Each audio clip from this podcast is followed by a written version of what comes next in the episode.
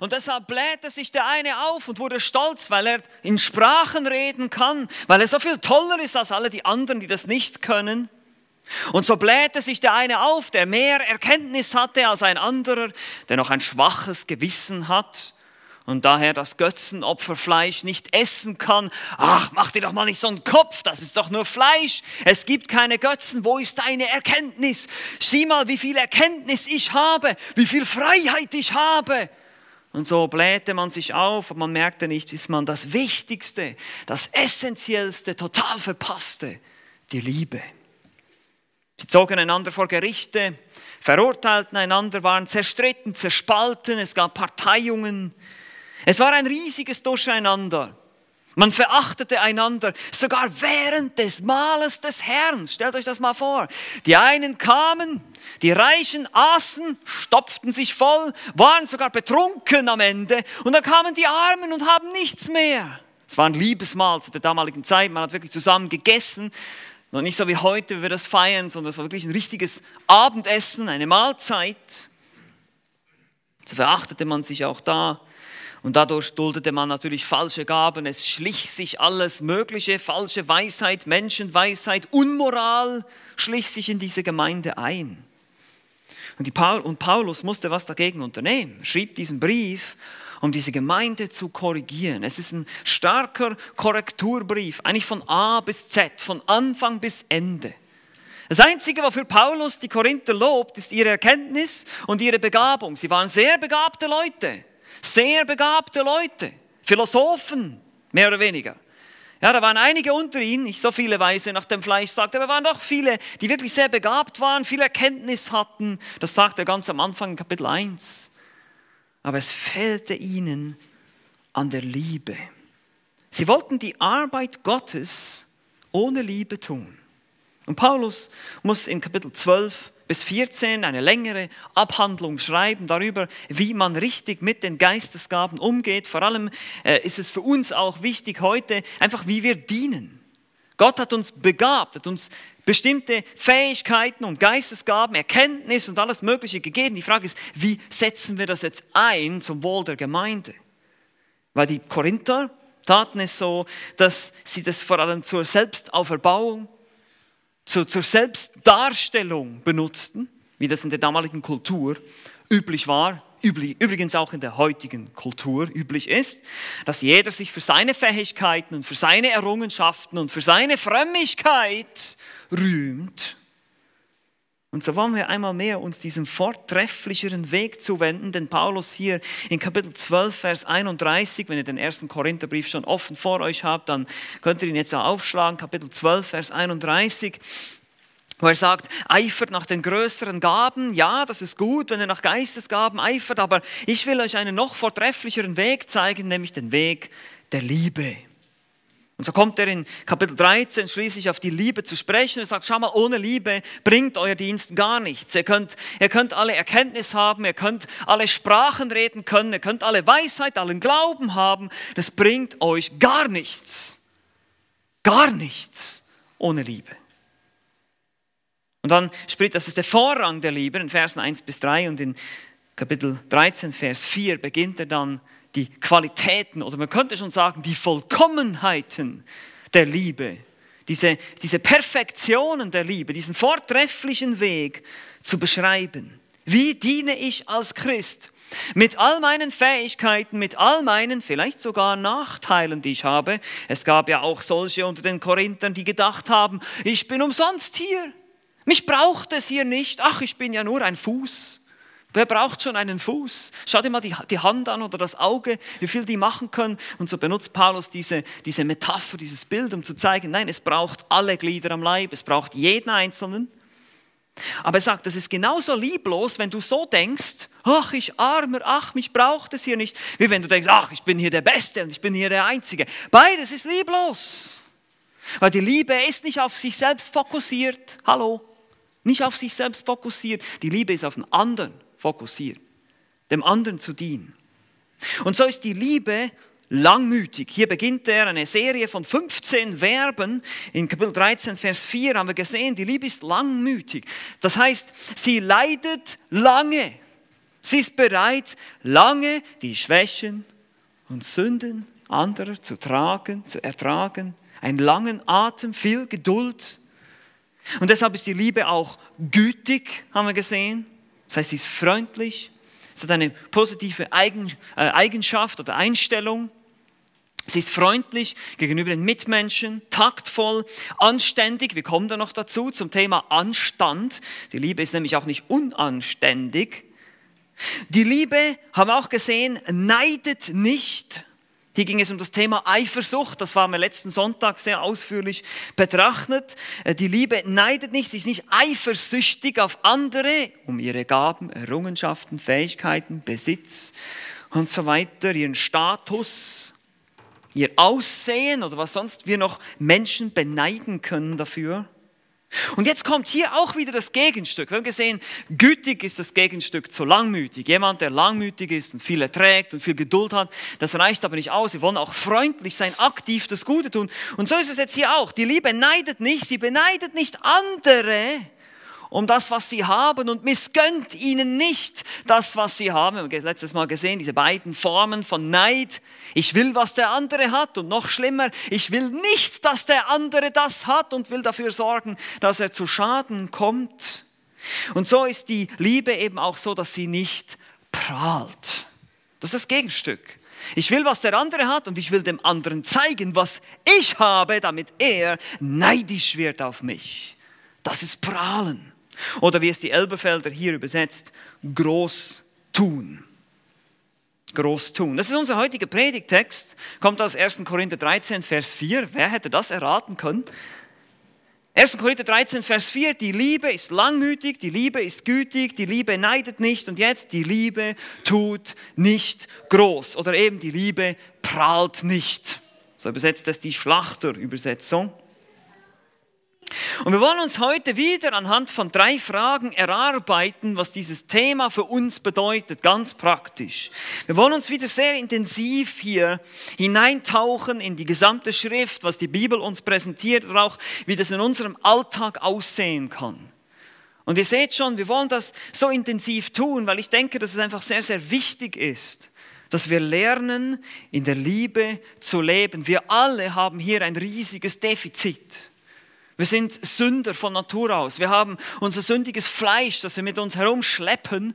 Und dieses sündige Fleisch macht uns egoistisch. Wir sind alle Egoisten von Natur aus. Wir sind auf uns selbst konzentriert. Wir, wir schauen auf uns selbst. Wir wollen nur auf uns selbst schauen. Das ist unsere Natur. Und deshalb müssen wir lernen, in der Liebe zu leben, so wie Christus uns das vorgelebt hat. Und deshalb wollen wir nicht prahlen. Oder wir können das auch so beschreiben, wir wollen lernen, in bescheidener Liebe zu leben. Weil Bescheidenheit ist das Gegenteil von prahlen. Jemand, der bescheiden lebt, der nicht so viel von sich hält oder lieber ein bisschen weniger von sich hält, ist nicht so schnell in der Versuchung zu prahlen, anzugeben, können wir auch sagen. Und deshalb drei Fragen zum besseren Verständnis des Lebens in bescheidener Liebe. Das ist das, was wir lernen wollen. Das Leben in bescheidener Liebe. Eben ohne zu prahlen, weil die Liebe prahlt nicht.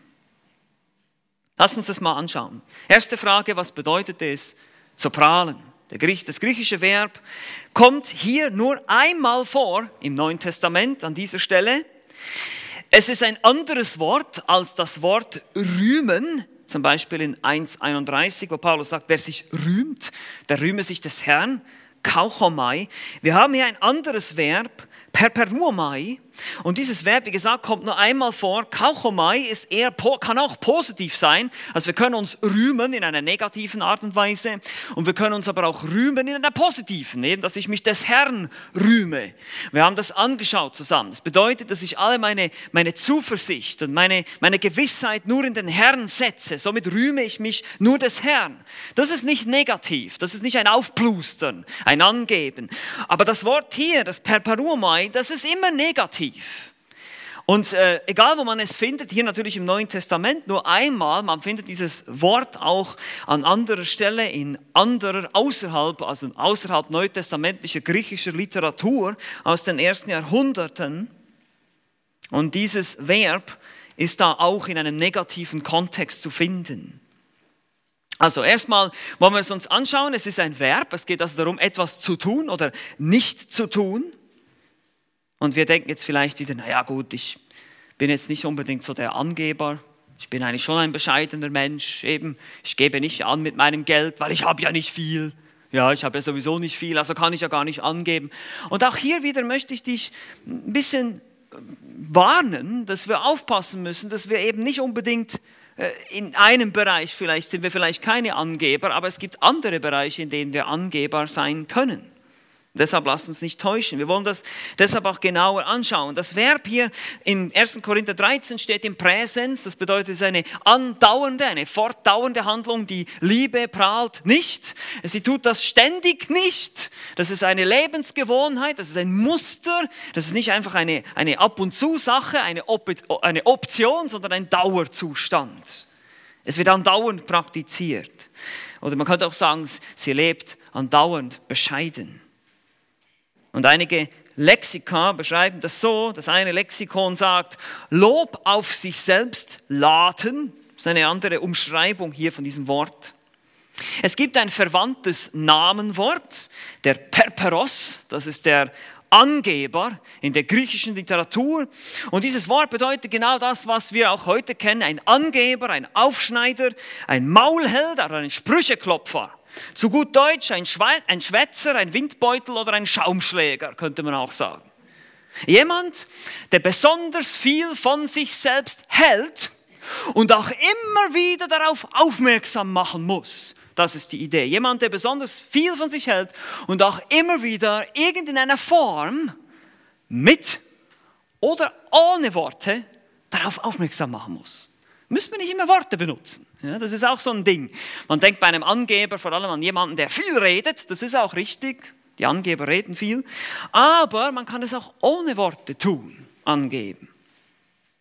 Es wird tatsächlich in Verbindung mit geschwätzig sein oder auch zu übertreiben gefunden, der griechischen Literatur, groß tun und über sich selbst viel erzählen, das völlig übertrieben ist und natürlich sich selbst dann in ein gutes Licht rückt.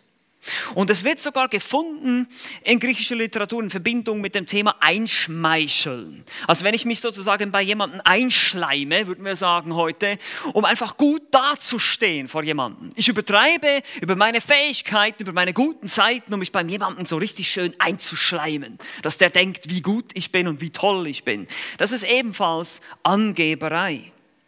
Seht mal, wie toll ich bin, wie toll ich dieses und jenes tun kann, wie toll ich aussehe, was auch immer. Und auch in der griechischen Literatur, das ist ganz interessant, findet man das Thema auch in Verbindung mit dem Angeben bezüglich der Redekunst oder der Rhetorik. Zitat hier, eine Selbstdarstellung, in der man rhetorische Verschönerungen verwendet, um sich übermäßig selbst zu erheben. Zitat Ende. Oder ein weiterer Kommentator beschreibt es so, Zitat, eine solche Person führt ihre verschönerte Redekunst vor, um Anerkennung zu bekommen. Zitat Ende. Und ihr seht schon, wie gut das natürlich hier in den Kontext von Korinth passt. Ja, wir haben gesehen, die Griechen waren eine Kultur der Redekunst der Rhetoriker, der Philosophen. Damals gab es kein Fernseher und all solche Sachen äh, und Social Media, sondern man unterhielt sich sozusagen, indem man neue Philosophien hörte und große Redner verehrte und ihnen zuhörte, wie die Rockstars heute, waren damals die Philosophen. So muss man sich das vorstellen, der damaligen Kultur. Und so musste natürlich jeder sein Bestes geben in der Rhetorik. Und deshalb gab es dann natürlich einige in Korinth, die dann gesagt haben, naja, der Apollos ist natürlich schon ein bisschen der geschliffenere Redner als Paulus und deshalb bin ich natürlich des Apollos, weil der ist viel der bessere Redner. Und sie haben völlig den Punkt verpasst. Und so sehen wir das auch in Korinth, wie sie sich zum Beispiel eben auf die Gabe des Sprachenredens dann so konzentrierten, warum das so hoch im Kurs war für sie. Stell dir mal vor, nicht nur in Griechisch, sondern auch in alle möglichen Fremdsprachen kann ich hier rhetorisch mich aufblustern und alle bewundern mich. Wunderbar. Und Paulus muss sie ermahnen. In 1. Korinther 14, 26 heißt es, wie ist es nun, Brüder, wenn ihr zusammenkommt? Hat jeder einen Psalm, eine Lehre, eine Offenbarung, eine Sprache, eine Auslegung? Das ist ein Durcheinander, was ihr hier veranstaltet. Jeder wollte der Erste sein, jeder wollte seine Redegabe. Müsst ihr euch das mal vorstellen, dieses Chaos im Gottesdienst. Habe schon gesagt, so ähnlich wie manche charismatischen Gottesdienste heute. Und sicherlich kam die Angeberei auch durch die Parteiungen und Fanclubs, wie ich schon sagte, ich bin des Paulus. Paulus ist der Gründer dieser Gemeinde. Ich habe ihn schon oft besucht, ich kenne ihn persönlich. Haha, ich bin des Paulus.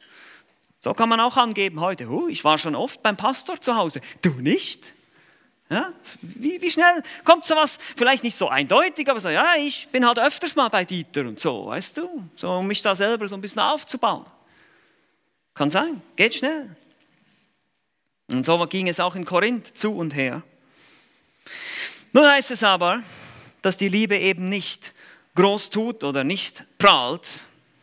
Und es ist eigentlich relativ simpel für uns auch zu verstehen, was die Bedeutung ist für uns.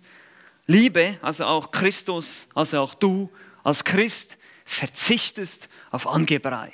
Du verzichtest auf Angeberei. Und zwar in jeglicher Form. In jeglicher Form. Wenn du tatsächlich Christus nachfolgst, dann verzichtest du darauf, irgendwie Aufmerksamkeit auf dich, auf deine Stärken, auf deine Fähigkeiten, auf deine Tugend zu lenken. Ihr seht schon, oh, jetzt implodiert wieder ein Ego hier. Ja? Autsch, mein Fuß. Ja. ja, wie oft machen wir das? Ganz, vielleicht sogar ganz unbewusst. Ja? Ich erzähle irgendjemandem eine Geschichte, merke ich schon wieder, oh, jetzt bin ich wieder der Held der Geschichte.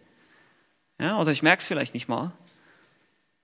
Oder ich erzähle jemandem, welche berühmte Person ich schon öfters getroffen habe. Oder eben, wie schon gesagt, wie oft ich schon persönlich beim Pastor zu Hause war. Wie gesagt, das ist das Gegenstück zum Neid. Neid will, was der andere hat. Angeberei will zeigen, was ich habe, um den anderen niederzumachen. Neid macht andere nieder, Angeberei erhöht sich selbst. Und wie gesagt, täusche dich nicht, wir alle sind Angeber.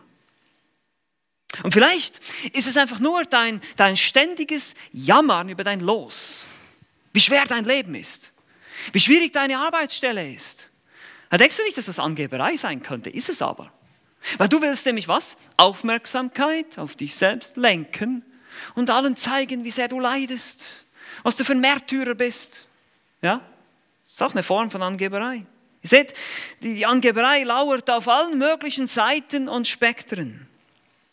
Fähigkeiten, Besitz, sozialer Status, vielleicht sogar wie viele Likes du auf Facebook bekommst oder Herzen auf Instagram oder was es sonst noch alles gibt, um dein egoistisches Selbst zu stärken und aufzubauen.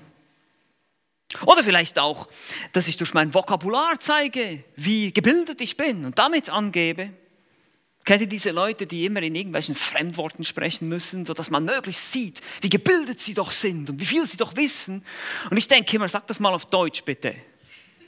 Ja, ich meine, wir können auch Deutsch, wir können auch ganz normal reden hier. Mussten wir nicht, ich weiß, dass du viel weißt, ist okay, aber äh, sag mir das einfach. Und gerade, gerade auch wir Theologen müssen da sehr vorsichtig sein, dass wir da nicht von all diesen Ausdrücken sprechen und uns dann so gut, ha, ich weiß so viel, toll, ja. Sondern es geht darum, dass die Menschen verstehen, was das Wort Gottes sagt und nicht wie viel theologisches Wissen ich habe. Bildung und Titel sind Grund für Aufschneiderei in der heutigen Gesellschaft. Oh, ich habe einen Mastertitel, oh, ich habe einen Doktortitel, oh, ich habe da und da studiert, in Oxford oder wo auch immer. Da gibt es noch mehr. Wir können durch unser Aussehen oder unsere Kleidung angeben. Wie ich schon sagte, es geht auch ohne Worte. Ich kann über meine Verhältnisse leben und mir teure Kleider kaufen, um allen zu zeigen, wie toll ich bin, ohne irgendein Wort zu sagen. Das ist dann eine Frage deines Motivs natürlich. Du kannst auch schöne Kleider tragen mit guten Motiven. Ich sage nicht, dass jeder, der jetzt schöne Kleider trägt, schlechte Motive hat. Wir sollen jetzt nicht alle in Lumpen kommen hier. Das sage ich nicht. Aber prüfe dein Herz. Prüfe deine Motive. Einige Männer tragen Muscle-Shirts im Sommer und Frauen tragen irgendwelche andere Kleider, um zu zeigen, wie schön sie sind. Das ist alles Prahlerei. Und wahre Liebe tut das nicht. Ja, vielmehr, wahre Liebe hat das nicht nötig. Das ist gar nicht nötig. Als wahrer Christ, als geistlicher Christ, der wirklich liebevoll lebt, hast du es gar nicht nötig auf dich selbst die Aufmerksamkeit zu lenken. In irgendeiner Form. Du wirst befreit davon. Und jetzt kommt's. Nicht nur in all diesen Dingen, nee, selbst in frommen Aktivitäten können wir angeben. Ja, zum Beispiel, wie gesagt, wie viel Bibelwissen ich habe, wie viele Verse ich vielleicht auswendig aufsagen kann.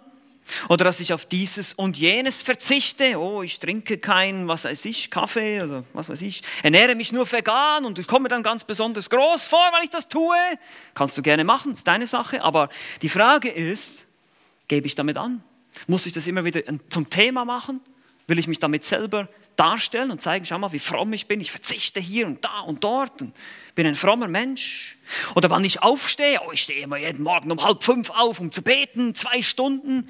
Muss ich das unbedingt jedem erzählen oder kann ich das nicht für mich behalten, vor dem Herrn? Das ist alles Prahlerei. Ich muss meine Motive prüfen. Die Prahlerei ist ein Ausfluss unseres menschlichen Stolzes. Es ist Stolz letztlich. Wir wollen uns auf den Thron setzen und regieren.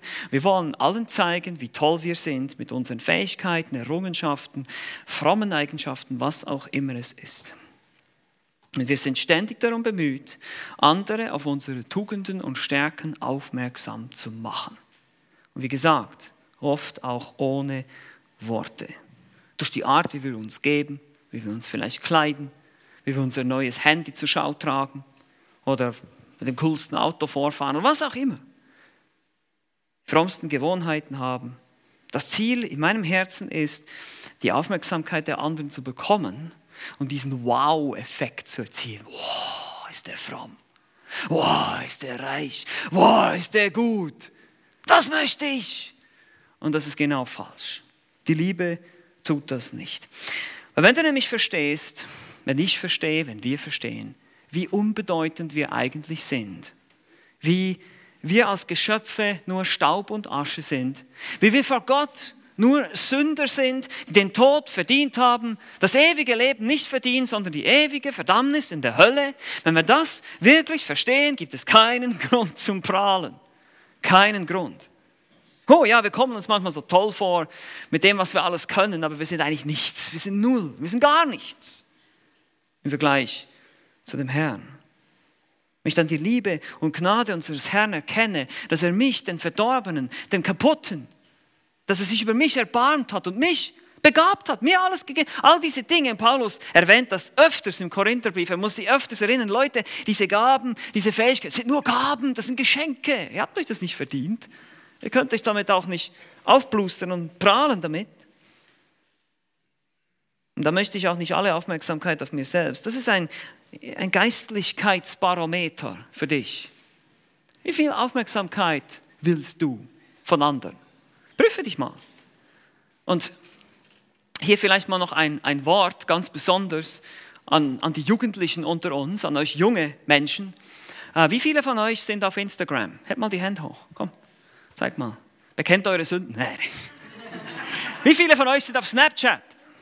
Auch einige? WhatsApp? Da müssen jetzt halt viele Hände hochgehen. Ne? Facebook ist für alte Leute, ich weiß. Twitter, auch nicht so viele. Doch, auch da hinten eine Hand. Okay.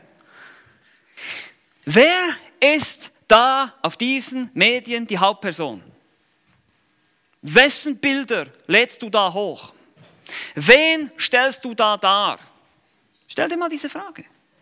Was poste ich da ständig? Rückt das die Aufmerksamkeit auf mich oder auf den Herrn? Und das ist nur eine Form. Ich weiß, es gibt viele andere Formen, aber das ist einfach, gerade die digitale Welt, die sozialen Medien sind eine riesige Plattform der Prahlerei.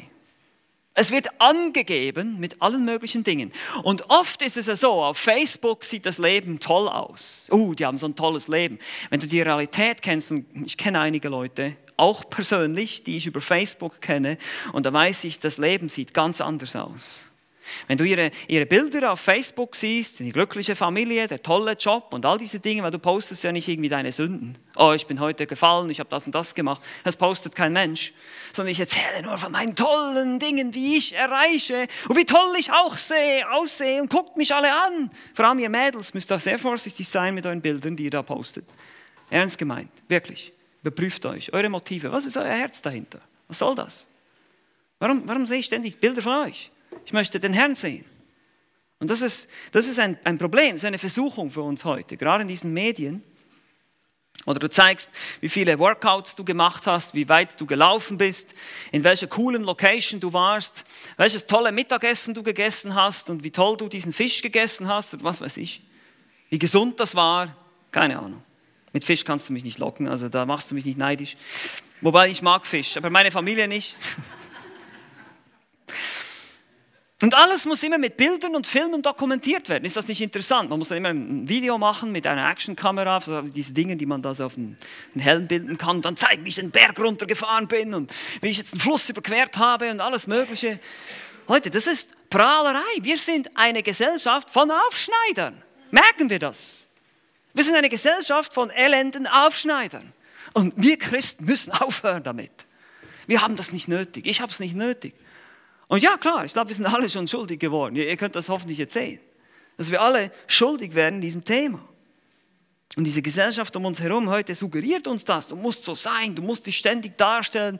Ähm, wie gesagt, wie, wie die Gesellschaft damals in Korinth. Nur, dass wir heute andere Medien benutzen. Lasst uns mal jetzt zur zweiten Frage kommen. Welche Beispiele finden wir in der Bibel? Ja, wir finden auch Beispiele in der Schrift, wie immer. Die Schrift ist voll davon. Es beginnt mit dem Teufel einmal mehr, der an Evas Stolz im Garten appelliert. Ihr werdet sein wie Gott. Stell dir mal vor, Eva, wie du dann angeben kannst, du bist wie Gott. Wow! Und ein besseres, klassischeres Beispiel finden wir dann im Turmbau zu Babel. 1. Mose Kapitel 11, Vers 4 heißt es, und sie sprachen, wohlan bauen wir uns eine Stadt und einen Turm, dessen Spitze an den Himmel reicht. Seht ihr, bauen wir uns einen Turm, wir uns mit einer Spitze, die ah, ganz, ganz, ganz weit nach oben und machen uns einen Namen. Alle sollen sehen, wie toll wir sind. Wir wollen bekannt sein, wir wollen berühmt sein, wie die heutigen Stars und Sternchen, die es gibt und die sich dann gegenseitig beneiden um ihren Erfolg. Aber dann gehen wir ins Neue Testament und finden ebenfalls die Form des religiösen Angebers in dem Pharisäer in Lukas Kapitel 11, äh, Entschuldigung, Lukas Kapitel 18 war das, Verse 10 bis 12. Und das widerspiegelt natürlich die Gesinnung aller Pharisäer hier heißt es in Lukas 18, Vers 10, ihr kennt die Geschichte, zwei Menschen gingen hinauf in den Tempel, um zu beten. Und, dann auch beim Gebet. Ich meine, das ist der eine ein Pharisäer und der andere ein Zöllner. Der Pharisäer trat hin und betete bei sich selbst so. Oh Gott, ich danke dir, dass ich nicht bin wie die übrigen der Menschen, Räuber, Ungerechte, Ehebrecher oder auch wie diese Zöllner. Ich faste zweimal in der Woche, ich verzehnte alles, was ich erwerbe. Und seht ihr, das ist so interessant. Es heißt hier, er betet bei sich selbst, also für sich selbst, in Bezug auf sich selbst, wörtlich aus dem Griechischen. Und dann dankt er Gott, dass er nicht so ist wie all diese bösen Buben da draußen in der Welt. Ja, ich bin ja so fromm, ich bin ja so toll. Und dann macht er aufmerksam auf was? Auf seine Errungenschaften. Oh ja, ich faste. Ich faste immer ganz treu und ich verzehnte alles. Meine religiösen Werke hier muss ich natürlich zur Schau tragen, muss ich jedem zeigen, damit alle sehen, wie toll ich bin, meine Errungenschaften. Und deshalb sagt Jesus in Matthäus 6, Vers 1, habt Acht, dass ihr eure Gerechtigkeit nicht vor den Menschen übt. Unsere Gerechtigkeit nicht vor den Menschen. Eine Frage an dich. Betest du zu Hause länger und bessere Gebete als in der Gemeinde, wenn andere dich hören. Wenn du hier betest und sprichst, dass andere hören, wie toll du beten kannst und zu Hause sieht dein Gebet anders aus. Kann das sein? Könnte das vielleicht sein? Gebet, Fasten, ich faste so, dass es jeder sehen kann mit traurigem Angesicht, das sind fromme Angebereien. Und deshalb sagt Jesus, wenn ihr fastet, seht nicht düster aus wie die Heuchler, denn sie verstellen ihr Gesicht, damit sie den Menschen als Fastende erscheinen. Matthäus 6, Vers 16. Oder auch in der Mahnrede an die Pharisäer in Matthäus 23, die Verse 5 bis 7. Alle ihre Werke aber tun sie, um sich vor den Menschen sehen zu lassen. Denn sie machen ihre Gebetsriemen breit, die Quasten groß. Sie lieben aber den ersten Platz bei den Gastmählern, die ersten Sitze in den Synagogen und die Begrüßungen auf den Märkten und so weiter und so weiter. Heute sieht das vielleicht ein bisschen anders aus. Unsere frommen Vorzeigewerke, sehen vielleicht ein bisschen anders aus, aber ihr seht das Prinzip. Wahre Frömmigkeit muss sich nicht zur Schau stellen. Was die Pharisäer taten, war Angeberei. Also manche Christen heute vielleicht, die eben wie gesagt über ihre stille Zeit sprechen oder ihre stille Zeit auf Instagram posten, wisst ihr, Bibel, Kaffee und Stiften und so weiter. Ne?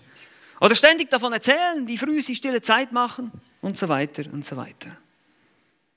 So waren die Pharisäer Heuchler. Ein weiteres Beispiel von dieser Angeberei finden wir auch in Apostelgeschichte Kapitel 5. Dieses Ehepaar namens Hananias und Sapphira. Sie wollten eine fromme Show abziehen und allen zeigen, wie aufopfernd und großzügig sie doch spenden. Ihr kennt die Geschichte, sie behaupteten beide, dass sie ihr Grundstück verkauft haben für so und so viel Geld. Sie legten es den Aposteln zu Füßen, aber eigentlich behielten sie die Hälfte zurück. Sie sagten aber, das ist alles. Und das ging gewaltig schief. Sie kamen um die, unter die extremste Form der Gemeindezucht. Sofortiger Tod. Kirchendiener mussten sie raustragen. Das ist nicht der übliche Job für einen Kirchendiener, aber das war halt so zu der Zeit. Also Angeberei kann sogar zum Tod führen, sehen wir Apostelgeschichte 5. Aufmerksamkeit auf sich selbst anstatt auf den Herrn. Nun, es gibt natürlich auch positive Beispiele und ich nenne hier jetzt mal das Ultimative, Jesus selbst. Was hat Jesus vorgelebt? Er prahlte nie, obwohl er allen Grund gehabt hätte. Er war zum Beispiel der Einzige, der je hätte den Ort oder die Herkunft seiner Geburt bestimmen können. Er hätte sagen können, ich will als Adeliger, als Sohn eines Königs auf diese Welt kommen, in einem Palast, in einem Schloss. Hat er nicht getan. Er kam in Bescheidenheit. Er kam in den einfachsten Verhältnissen. Er lebte Bescheidenheit. Er hatte einen einfachen Job, eine einfache Arbeit, Zimmermann. Und er ging ans Kreuz. Und er sagte in Matthäus 8, Vers 20, die Füchse haben Gruben, die Vögel des Himmels haben Nester, aber der Sohn des Menschen hat nichts, wo er sein Haupt hinlegen kann. Er hat nichts. Braucht auch nichts. Muss die Aufmerksamkeit nicht auf sich lenken. Ja, er hat gewissen Leuten manchmal sogar verboten, erzähl das bloß nicht weiter. Er wollte nicht der König sein. Und als sie ihn, das war, soweit ich weiß, in Johannes 6, als sie ihn zum Brotkönig machen wollten, weil er ihnen gratis Brot produziert hatte und sie dann kamen und sagten, wir wollen dich zum König machen, lehnt er ab und sagt, nein, ich will, dass ihr mir nachfolgt. Ich will, dass ihr das geistliche Brot aus dem Himmel habt. Und ohne mich könnt ihr nichts tun. Denn ihr, wär, ihr müsst vom Vater gezogen werden. Das ist alles Johannes 6. Und als er diese harte Rede beendet hatte, hieß es dann, viele Jünger gehen nicht mehr mit ihm. Oh nein, das, nee, nee, wir wollen Brot und Spiele, aber wir wollen nicht einfach alles aufgeben und dir nachgehen. Das wollen wir nicht. Angeberei war nichts, was Jesus wollte. Er ertrug sogar Leid, sein Mund rühmte ihn nicht. Als er geschmäht wurde, schmähte er nicht wieder. Als er litt, drohte er nicht, heißt es in 1. Petrus 2,23. Und es heißt in Jesaja 53, wie ein Schaf, das verstummt vor seinem Scherer und seinem Mund nicht auftut. Er lebte Bescheidenheit. Er verzichtete sogar auf die Herrlichkeit, die er beim Vater genossen hatte, die Ehre und den Ruhm. Er kennt die Stelle aus Philipper 2, der als er in der Gestalt Gottes war, es nicht wie einen Raub festhielt, Gott gleich zu sein, sondern er entäußerte sich selbst, nahm die Gestalt Gestalt eines Knechtes an und wurde wie die Menschen. Und in seiner äußeren Erscheinung als ein Mensch erfunden, erniedrigte er sich selbst und wurde gehorsam bis zum Tod. Ja, bis zum Tod am Kreuz. Philipper 2, Verse 6 bis 8.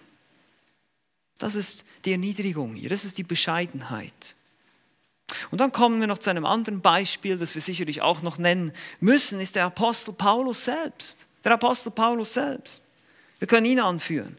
Er rühmte sich nur des Kreuzes. Das macht er immer wieder deutlich. Für ihn gab es keine eigene Ehre. Er machte nicht sich selbst zur Person. Deshalb muss er das so richtig gehasst haben, als er das gehört hat, dass die Korinther hier jetzt Parteien, dass es sogar eine Pauluspartei gibt. Oh nein, das ist das Letzte, was ich wollte. Christus und Christus allein soll die Ehre bekommen. Es heißt in Galater 6, Vers 14, von mir aber sei es fern, mich zu rühmen, als nur des Kreuzes unseres Herrn Jesus Christus, durch den mir die Welt gekreuzigt und ich der Welt. Das ist eben jetzt Kauchomai, das kann negativ und positiv sein. Denn wir predigen nicht uns selbst, sondern Jesus Christus als Herrn. 2. Korinther 4, Vers 5. Paulus sprach zum Beispiel auch nicht gerne über seine eigenen Erfolge. Das sehen wir im 2. Korinther 12, Vers 11. Da sagt er, ich bin ein Tor geworden. Ihr habt mich gezwungen dazu, dass ich jetzt über meine Visionen und über all diese Dinge sprechen muss. Das will ich gar nicht. Ich will nicht im Zentrum stehen. Ich will, dass Christus im Zentrum steht. Ich bin ein Tor geworden. Ihr habt mich dazu gezwungen, denn ich hätte von euch empfohlen werden sollen, denn ich habe in nichts den ausgezeichnetsten Aposteln nachgestanden, wenn ich auch nichts bin. Seht ihr das? Diese Bescheidenheit? Er will nicht über seine Erfolge und seine Errungenschaften und seine Visionen und seine Größe sprechen, sondern er will nur über Christus sprechen. Jetzt haben wir gesehen, was es bedeutet, nicht zu prahlen. Wir haben uns jetzt ein paar Beispiele angeguckt, eine Schrift. Und jetzt wollen wir uns noch die dritte Frage stellen, selbstverständlich, wie können wir das jetzt umsetzen? Einiges habe ich schon gesagt, aber ich möchte es nochmal deutlich machen, wie, wiederum mit ein paar Lektionen oder Anwendungen, die wir jetzt mitnehmen, die nächste Woche, die dann auch Gegenstand sein werden der Fragen, die wir im Hauskreis behandeln. Wie leben wir ohne zu prahlen? Oder wie leben wir denn nun jetzt in dieser bescheidenen Liebe? Wie kann ich das lernen? Wie kann ich das üben?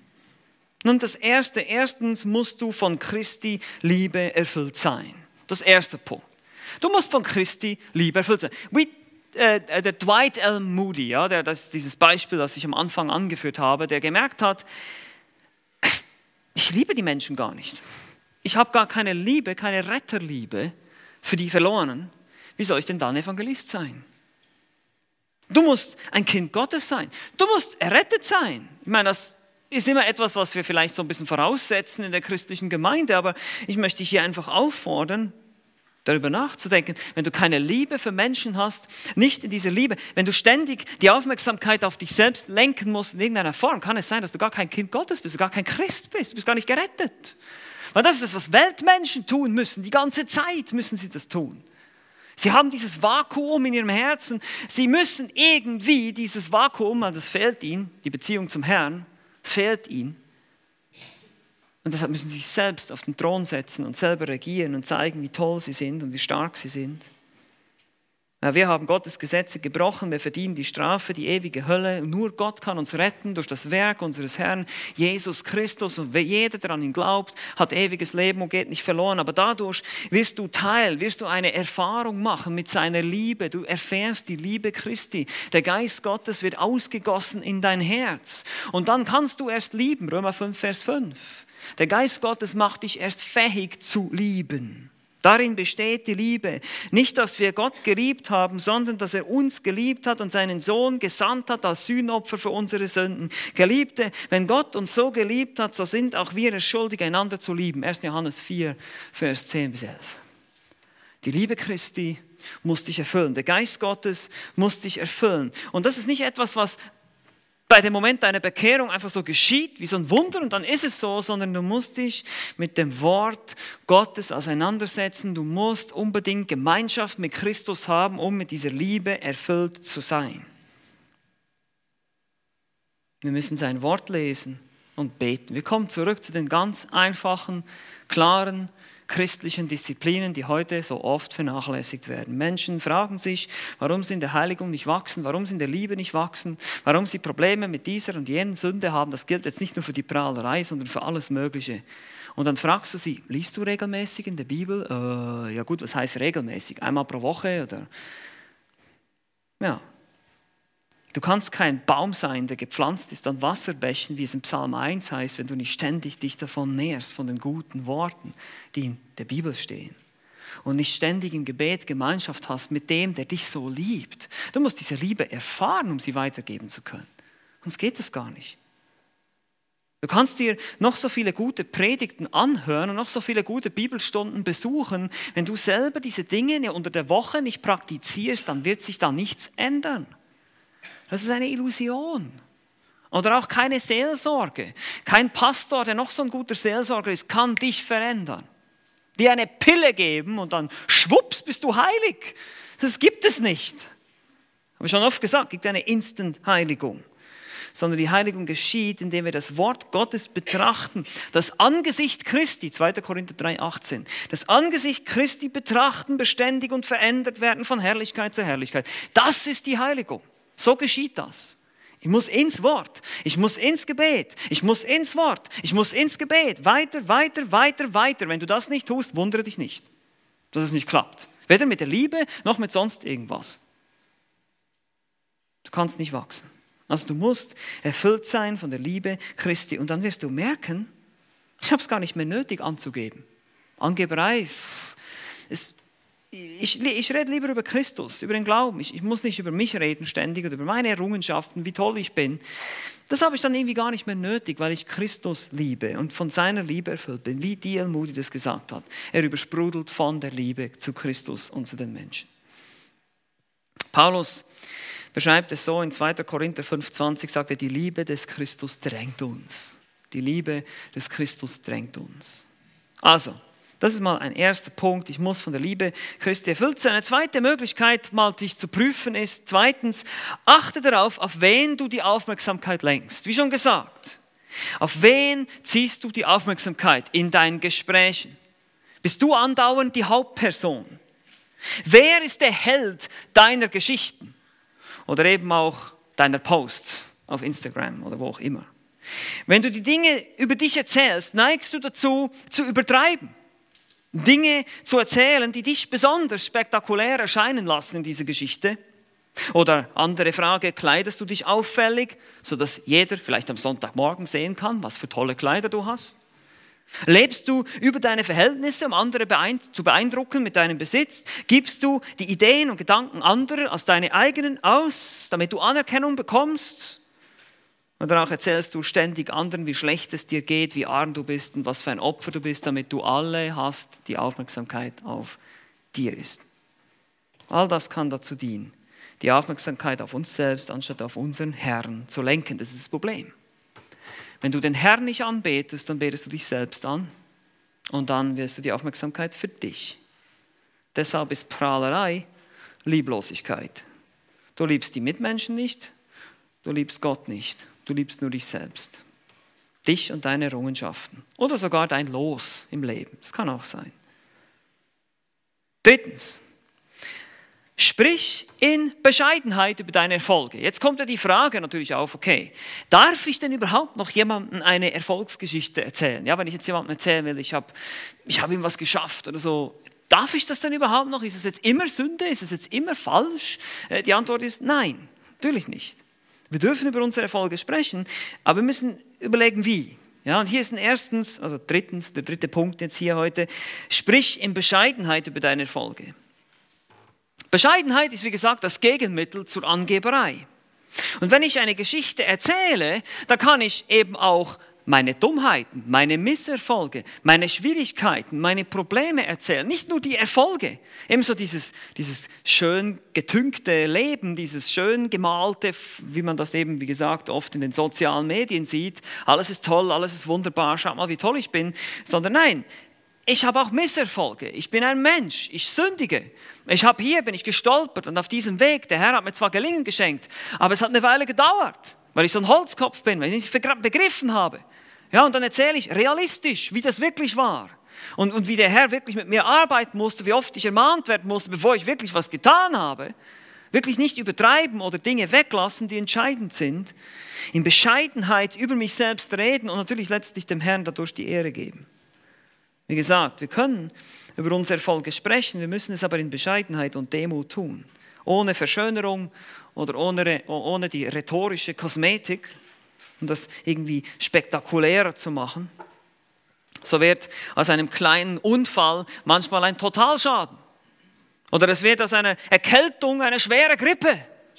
Oh, ich war so krank. Und das ist sowieso ein Ding. Wir, wir lieben es, über unsere Krankheiten zu, zu, zu, reden. Das ist so nett. Das ist selbst, das ist so selbstverliebt. Oh, ich war wieder krank.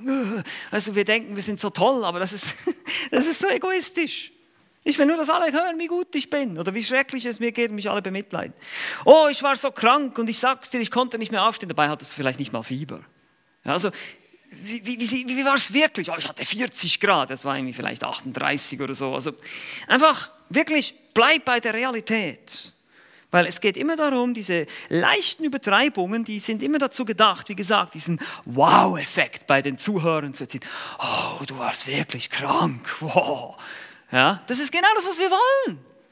Und das ist genau das, was die Liebe nicht tut. Und deshalb viertens, auch ein wichtiger Punkt, sprich als Gottes Werkzeug über deine Erfolge. Sprich als Gottes Werkzeug über deine Erfolge. Wir dürfen über unsere Erfolge sprechen, aber lasst uns das so tun, dass der andere wirklich versteht, ich bin nur ein Werkzeug Gottes.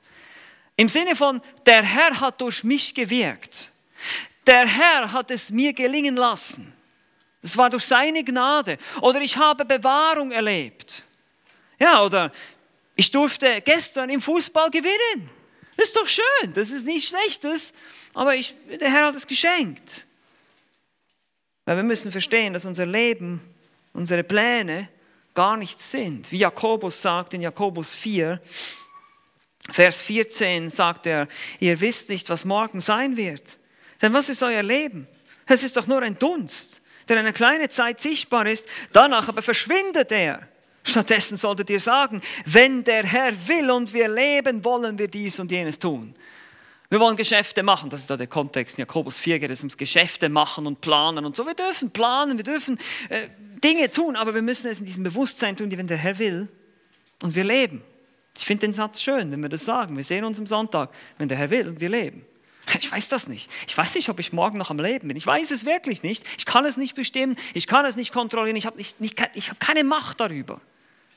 Der Herr kann heute sagen, das, das war's mit dir. Du, du kommst nach Hause. Wer kann da was dagegen tun? Also, diese Perspektive zu haben, ich bin nur ein Werkzeug Gottes, der Herr ließ es mir gelingen. Ich rede über meine Erfolge als Werkzeug Gottes. Und jetzt auch noch ein fünfter Punkt, der auch ganz wichtig ist. Sprich über deine Erfolge, wie gesagt, mit dem Ziel der Ermutigung und Erbauung anderer. Seht ihr, das Problem in Korinth war nicht, dass diese Leute begabt waren. Das Problem in Korinth war nicht, dass die Leute sogar in Sprachen reden konnten und große Weisheit und Erkenntnis hatten. Das Problem ist, sie taten es nicht aus Liebe und deshalb auch nicht zur Erbauung und zum Dienst an anderen. Und genauso kann sogar eine Erfolgsgeschichte von mir ein Dienst werden an einem anderen. Je nachdem, wie ich das erzähle, mit welchem Motiv natürlich, aber dann auch mit welcher Art und Weise kann ich damit anderen dienen anstatt sie neidisch machen zu wollen. Ich kann sagen, schau mal, der Herr hat bei mir das gewirkt, dass ich Sieg über diese und jene Sünde errungen habe. Er hat es geschenkt. Er kann es auch bei dir bewirken. Gib nicht auf. Das schaffst du auch durch die Gnade des Herrn, durch die Kraft des Geistes. So kann eine Erfolgsgeschichte von mir tatsächlich ein Dienst sein. Je nachdem, wie es getan wird, ob es in Liebe getan wird, zum Dienst an anderen, eben ohne zu übertreiben, dass ich mich selber nicht zur Hauptperson mache, sondern den Herrn, kann es zum Dienst werden. Ich erzähle dir, wie der Herr mich bewahrt hat, sogar wie ich im Fußball gewonnen habe und durfte obwohl ich selber gar nicht wirklich gut Fußball spielen kann. Eine Niete bin, der Herr hat Gnade geschenkt. Schau mal, wie der Herr durch mich gewirkt hat, er kann auch dich so segnen und erfreuen. Ja, das ist die alltäglichen Dinge oder eben auch die geistlichen Dinge. So können diese Dinge auch zum Dienst werden. Nicht um mich selbst zu befriedigen oder mich selbst darzustellen, sondern um durch diese Dinge andere zu ermutigen. Denn die wahre Liebe, die prahlt nicht. Und sechstens, natürlich ganz wichtig, das fasst es eigentlich so ein bisschen alles zusammen, sprich mit dem Ziel, Gott zu ehren. Oder tue es mit dem Ziel, Gott zu ehren. Wie gesagt, man kann auch ohne Worte, ich habe jetzt immer gesagt, sprich, aber oft ist es ja, geht es ja um unser Reden, wie wir reden. Wir erzählen einander Dinge, um uns entweder selbst zu erhöhen oder anderen zu dienen. Ähm, oft läuft es über das Sprechen oder tippen oder posten oder was auch immer, aber es geht auch ohne Worte. Aber all das soll zum Ziel dienen, dass wir Gott ehren. Ob er nun esst oder trinkt oder sonst etwas tut, tut alles zur Ehre Gottes. 1. Korinther 10, Vers 31. Das ist immer noch das Prinzip. Alles, was wir tun, die alltäglichsten Dinge wie Essen und Trinken, sollen wir zur Ehre Gottes tun. Nun, was heißt das? Zur Ehre Gottes eben im Gehorsam und in der Liebe gegenüber seinem Wort. Wir tun es zum Dienst an anderen. Wir tun es aus Liebe zum Herrn, weil wir von der Liebe Christi erfüllt sind und gar nicht anders können. Wir tun es, um anderen zu helfen, um anderen zu dienen, nicht um uns selbst ins Rampenlicht zu stellen. Denn von ihm und durch ihn und zu ihm sind alle Dinge. Alles, was ich habe, alles, was ich kann, alles, was ich an Gaben habe, kommt von ihm und durch ihn und ist für ihn gemacht. Lasst uns das nie vergessen. All deine Besitztümer, deine Fähigkeiten, deine Gaben, dein Auto, dein Fahrrad, dein, deine Kleider, was immer es ist, dein Aussehen, ist alles von Gott. Alles von ihm. Es kommt vom Herrn, es ist ein Geschenk an dich, damit du anderen dienst in der Liebe. Lasst uns ihm die Ehre geben und eben nicht verführt werden zu prahlen. Amen.